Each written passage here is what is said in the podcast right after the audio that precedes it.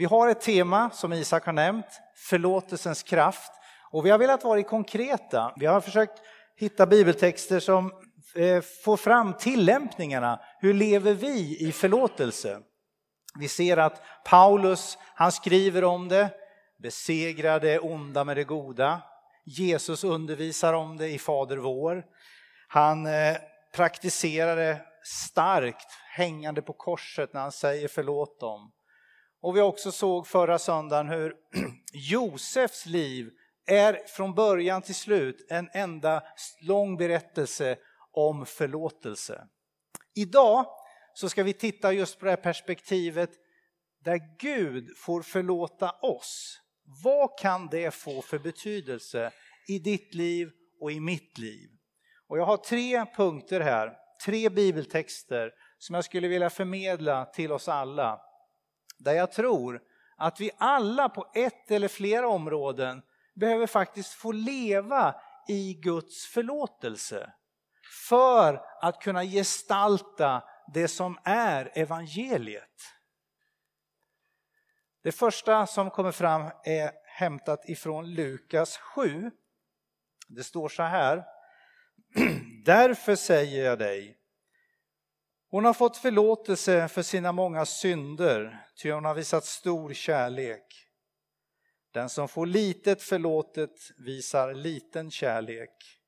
Och han sa till henne, dina synder är förlåtna. Förra helgen så hade vi i staden någonting som kallas för Kärlek till Örebro. Stortorget fylldes med tusentals av människor. Upprinnelsen till Kärlek till Örebro började 2016 i Pingstkyrkan.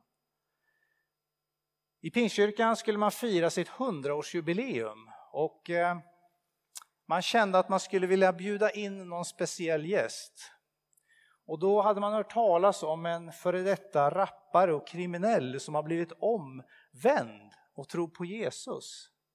Han kallades för Sebbe Stax. Så man bjöd in honom. I oktober månad var han där. Och Sören Perder och Edvard Sköldefalk noterade då vad är det för människor som kommer till våran kyrka? De här har ju aldrig satt sin fot här förut. Och dessutom blev de frälsta. De tyckte det var fantastiskt. Den här mannen drog människor som ingen annan kunde göra.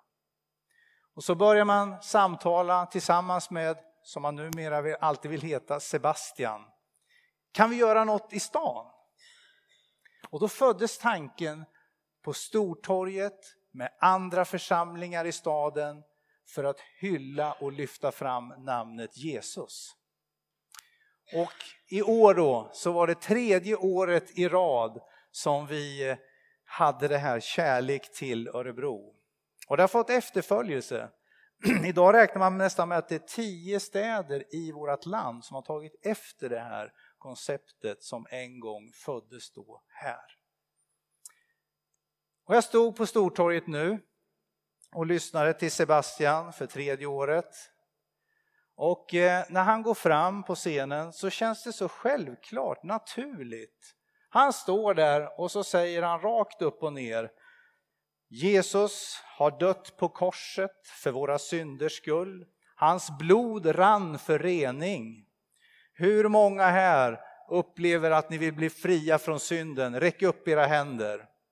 Och massor med människor gensvarar. Hur kan han göra det som vi kan tänka är så svårt att få människor att förstå? Att det blir så naturligt och så enkelt och så självklart. Vad är det som Sebastian kan säga som vi kanske skulle få svårare om man skulle ställa en så kallad vanlig predikant på Stortorget och säga det här. Jag tror vi kan hitta en del av svaret här. Texten är hämtad ifrån Lukas 7.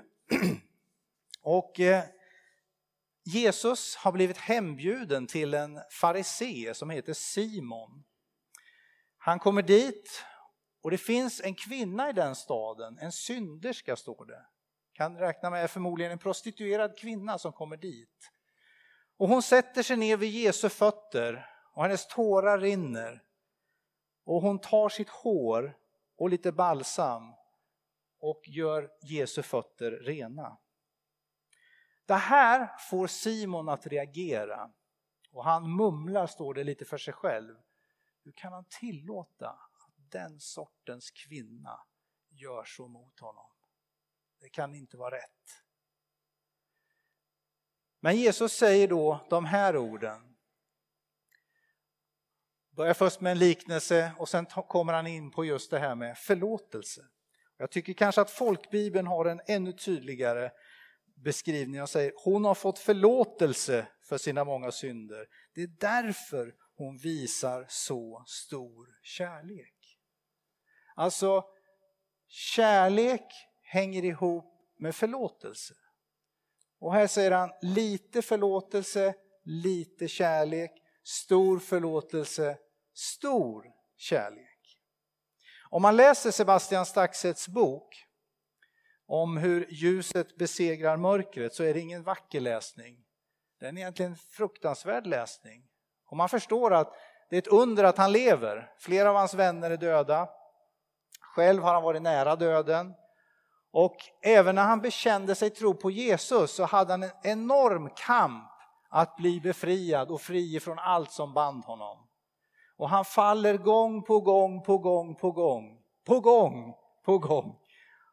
Och människor runt omkring ger honom ändå uppmuntran att fortsätta. Och till slut så kommer han upp ur dyn och kan ställa sig på en fast mark. Sebastian har ju i sitt liv varit så långt ner på livets botten, ja till och med skulle jag säga under botten och dragits upp och nu står på fast mark. Han har en jättestor kontrast i sitt liv. Där man verkligen kan jämföra hur det var förr och hur det är nu. Det här livet var så här och nu är livet så här. Och det är klart att för Simon här och för dig och mig kanske, vi kanske inte alls har gjort det här. Att vi kan jämföra på det här sättet. Att vi har levt så långt ner och sen upplever någonting helt annat. Vi kanske har levt lite mer jämnt. Och jag har till och med träffat några som har sagt Ibland skulle jag önska att jag hade haft lite mer brokigt i min bakgrund. Att jag hade gjort lite mer och så fått uppleva frälsningen och liksom känt och så brinner jag och så går jag vidare. Ja, det kan ju naturligtvis vara en önskan. Men frågar du Sebastian så skulle han säga glöm den drömmen. För jag har gjort så mycket i mitt liv som jag ångrar och inte vill ha gjort, men det går inte att ändra på, det är gjort. Tro inte att det är någonting att söka.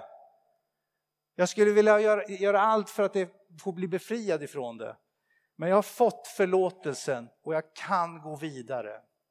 Och utifrån det så har han också fått möjligheten, tänker jag, tror jag, precis som den här kvinnan, att ge den här stora kärleken. Jag tror inte det är någon slump att det heter kärlek till Örebro. Att han får stå där och säga det. Och det kanske du och jag också känner, men det blir inte riktigt på samma sätt.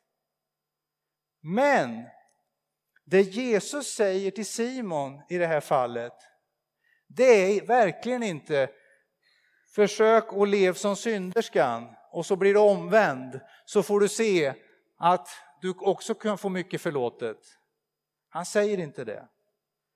Utan han säger någonting annat till, henne, till, till honom som gör att han istället ska börja ha en annan attityd till människor.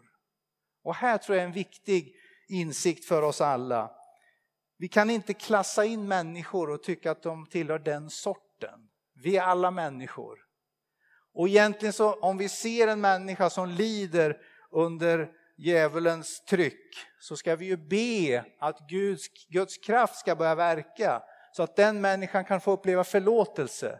Så att vi kan få se ännu fler människor som brinner som Sebastian.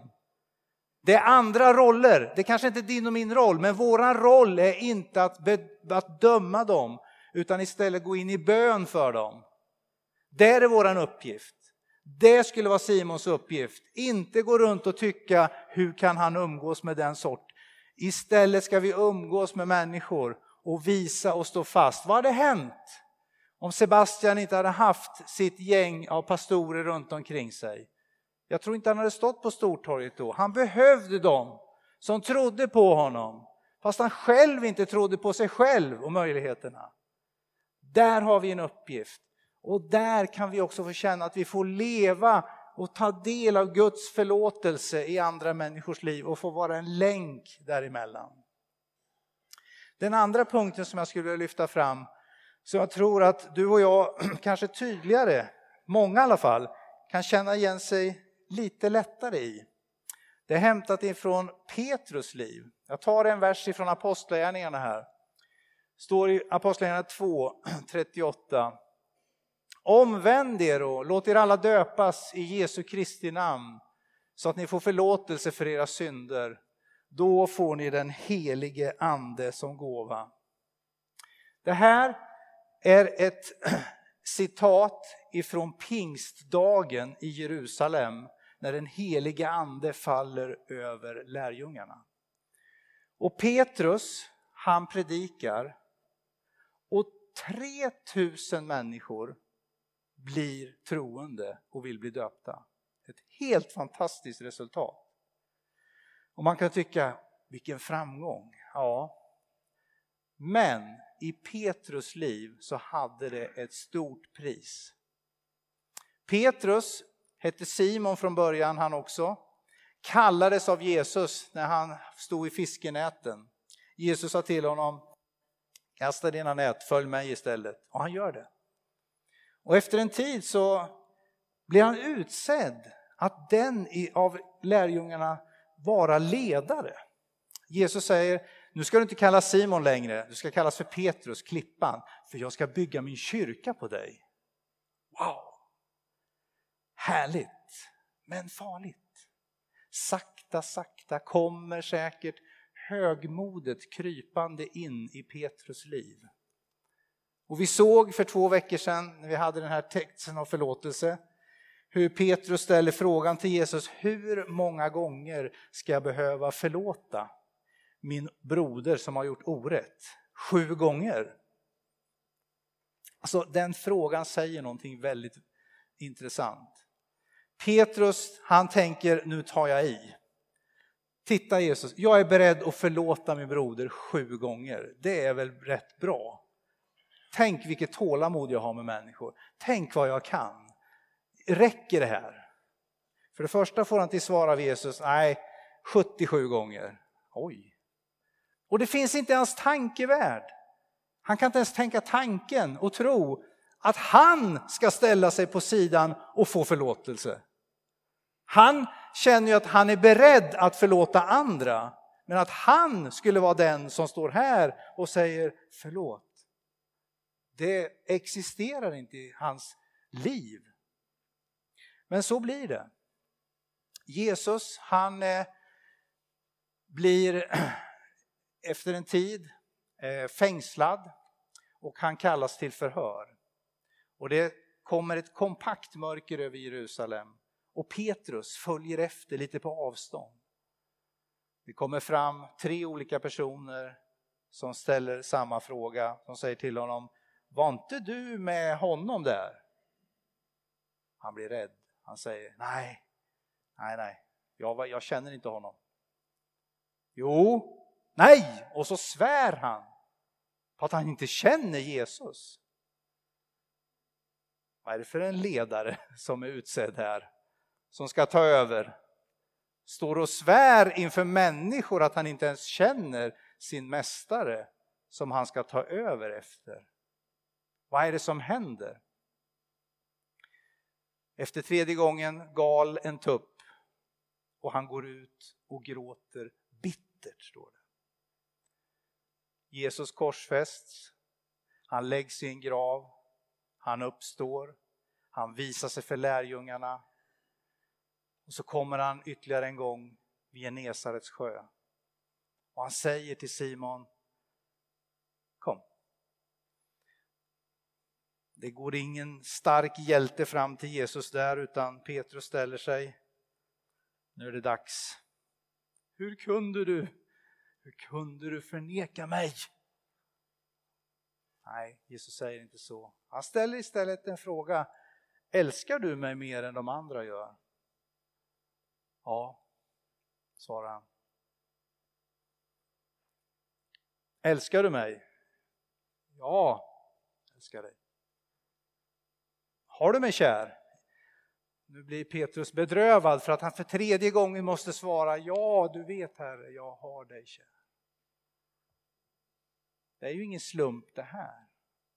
Det är ju en förlåtelse i praktiken. Tre gånger förneka, tre gånger få chansen att svara på frågan, står du kvar? Älskar du mig? Utifrån den här bakgrunden, när han har gråtit bittert, när han har varit förkrossad över sitt liv, när han har förstått att Gud har inte kastat iväg mig, jag som svek honom, jag som förstod att i det här läget så försvann hela min kallelse, min pastorstjänst.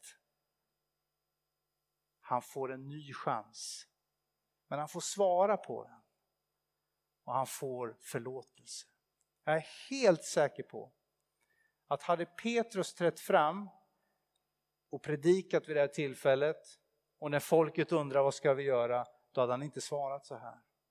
Men nu fanns det en erfarenhet i hans liv som gjorde ni måste omvända er och döpas så att ni får förlåtelse för era synder. Det är grunden. Ni måste ta emot förlåtelsen från Gud, för annars går det inte. Högmod går före fall. Och ibland, jag tror det är så, när vi ska växa i vår tro och i vårt lärjungaskap, då kommer vi få utsättas för prövningar. Vi kommer få gå igenom svårigheter, saker som vi inte vill göra. Det kan vara svåra och det kan vara tunga perioder. Men Gud låter det ske för att vi ska växa i våran tro. En kvinnlig Afrikamissionär som kom fram i ett sammanhang där jag fanns med tar micken och säger Upphöjelse börjar med lidande. Jaha, och sen... Och man bara kände att oj, där fanns erfarenhet i den meningen. Och det finns också bibelord som talar i den här andan. För att växa i tron, det är egentligen att alltid bli mindre själv och att Jesus blir större. När vi växer i våran tro, då måste beroendet till honom bli större och vi blir mindre. Och vi känner det kanske som ett nederlag, men istället är det precis Guds väg. För att vi ska mer växa i tron, tilliten, förtröstan, bönen. Komma honom nära och känna, Herre du måste göra någonting nytt i mitt liv. Petrus behövde det, kanske du och jag också. Det är för att fostras som vi får lida. Och så här står det i Hebreerbrevet 12. Min son, var tacksam för Herrens tuktan. Förlora inte modet när han straffar dig. Ty den Herren älskar, den tuktar han. Och den han agar var son som han har kär. Och det är ganska självklart det, att om man ska få ett så här stort uppdrag att ta över ledningen efter Jesus och leda hans församling utan att förstå och ha en insikt om vad förlåtelsen innebär i sitt eget liv. Det funkar inte. Det, det ekar tomt. Förlåtelsen var tvunget att fungera i Petrus liv. Han måste själv förstå vad det är han talar om. Han var själv tvungen att gå in i det här. Därför kan det också vara en kamp att vara en pastor, att vara en ledare, att stå upp för Jesus i olika sammanhang. Därför att Herren vill bli stor och ta större del i våra liv så att vi kan få känna hans oerhörda kraft. Det vi har sagt nu det är att förlåtelse från Gud, om vi känner att det är naturligt, jag måste få förlåtelse, då förlöser det stor kärlek. Sebastian är ett exempel på det. Det vi har sett nu, det är förlåtelse från Gud, det gör oss ödmjuka.